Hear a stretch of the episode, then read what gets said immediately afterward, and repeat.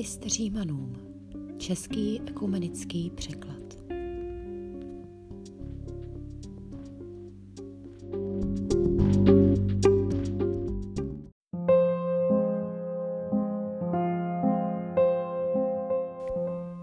Kapitola jedenáctá. Chci tím říci, že Bůh zavrhl svůj lid? Naprosto ne. Vždyť i já jsem Izraelec, z potomstva Abrahamova, z pokolení Benjamínova. Bůh nezavrhl svůj lid, který si předem vyhlédl. Nevíte z písma, jak si Eliáš Bohu naříká na Izrael? Hospodine, proroky tvé pobyly a oltáře tvé pobořili. Já jediný jsem zůstal a také mě ukládají o život.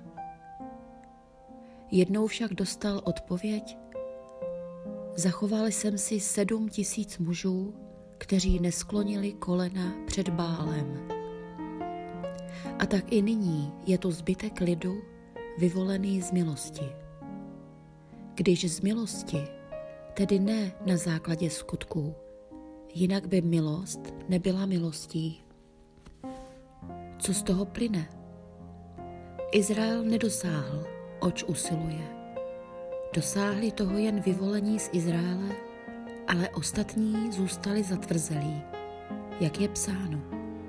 Bůh otupil jejich mysl, dal jim oči, aby neviděli, uši, aby neslyšeli, až do dnešního dne.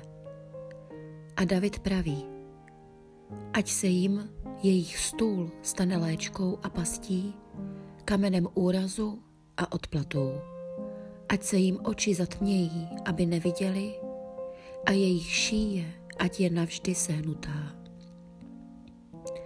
Chci tedy snad říci, že klopítli tak, aby na dobro padli? Naprosto ne. Ale jejich selhání přineslo pohanům spásu, aby to vzbudilo žárlivost židů. Jestliže tedy jejich selháním svět získal, a jejich úpadek obohatil pohany, co teprve, až se všichni obrátí? Vám z pohanských národů říkám, že právě já, apoštol pohanů, vidím slávu své služby v tom, aby vzbudil žárlivost svých pokrevních bratří a některé z nich přivedl ke spasení.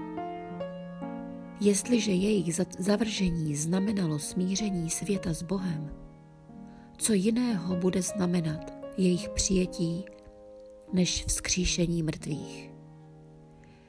Je-li první chléb zasvěcen, je svatý všechen chléb. Je-li kořen svatý, jsou svaté i větve. Jestliže však některé větve byly vylomeny a ty, planá oliva, jsi byl naroubován na jejich místo a bereš sílu z kořene ušlechtilé olivy, nevynášej se nad ty větve. Začneš-li se vynášet, vzpomeň si, že ty neneseš kořen, nýbrž kořen nese tebe. Řekneš snad, ty větve byly vylomeny, abych já byl naroubován. Dobře, byly vylomeny pro svou nevěru. Ty však stojíš vírou, nepovyšuj se, ale boj se. Jestliže Bůh neušetřil přirozených větví, tím spíše neušetří tebe. Považ dobrotu i přísnost Boží. Přísnost těm, kteří odpadli, avšak dobrotu Boží k tobě, budeš-li se jeho dobroty držet. Jinak i ty budeš vyťat. Oni však nesetrvají-li v nevěře, budou naroubováni, neboť Bůh má moc naroubovat je znovu.